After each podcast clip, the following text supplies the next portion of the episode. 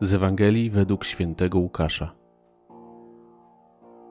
Kiedy przyszedł w szabat do domu jednego z pierwszych faryzeuszy, aby zjeść posiłek, oni i tam go obserwowali. Oto stanął przed nim ktoś cierpiący na puchlinę wodną. Jezus odezwał się wtedy do znawców prawa i do faryzeuszy, pytając: Czy wolno w szabat uzdrowić, czy nie? Oni milczeli. Położył więc na nim rękę, uzdrowił go i odesłał.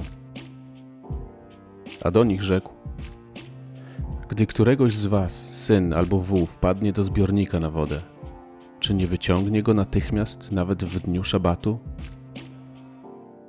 I zabrakło im siły, by na to odpowiedzieć.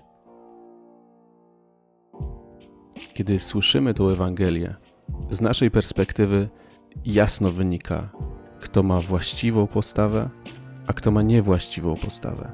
Tylko gdybyśmy odwrócili rolę i gdybyśmy być może siebie postawili na miejscu faryzeusza z jakąkolwiek inną kwestią, co do której wydawałoby nam się, że mamy rację, to nasze pierwotne przekonanie już nie byłoby dla nas takie oczywiste.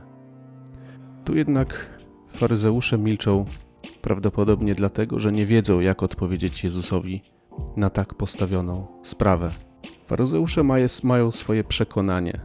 Jest szabat i nie wolno uzdrawiać.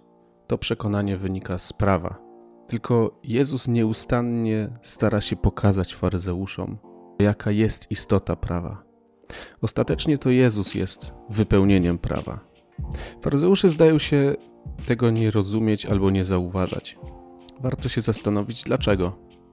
I żeby to zrobić, myślę, że mogę spróbować odnieść się do siebie, tak samo jak ty możesz odnieść się do siebie i przypomnieć sobie pierwszą lepszą sytuację, kiedy byłeś w 100% przekonany, że masz rację. Że twoje spojrzenie na sprawę, twoje, twoja chęć pouczenia kogoś, twoja chęć zwrócenia komuś uwagi wynikała z tego, że, że rzeczywiście miałeś rację. Tylko czy to właśnie ta racja ma mieć fundamentalne znaczenie, czy, czy człowiek, wobec którego wchodzimy w relacje, czy człowiek, który jest postawiony nam na drodze. Faryzeusze milkną teraz przed Jezusem, bo zdają się nie wiedzieć, co powiedzieć, bo Jezus rzeczywiście ma rację. W ich oczach no, ma rację. I teraz ta cisza jest czasem, kiedy mogę wybrać jedną z dwóch dróg. Albo wejść w nią i zastanowić się nad tym, co usłyszałem od żony, od syna, od brata, od siostry, od rodzica. Jest tym momentem, kiedy mogę się zastanowić i przeprocesować dokładnie to, co zostało mi powiedziane, i zastanowić się, czy przypadkiem osoba, która do mnie mówi, nie ma racji, albo mogę wejść w tą ciszę i zabudować ją swoją pychą i swoim przekonaniem, że zostałem właśnie obrażony, została mi zwrócona publicznie uwaga, zostałem znieważony. Jak on czy jak ona mogła to powiedzieć? Co za bzdury opowiada? Jak on się do mnie odzywa, będąc moim dzieckiem, albo jak ona się do mnie odzywa, będąc moim dzieckiem, moją żoną? Jezus przyszedł w szabat do domu jednego z pierwszych faryzeuszy. Jezus przychodzi też do nas każdego dnia.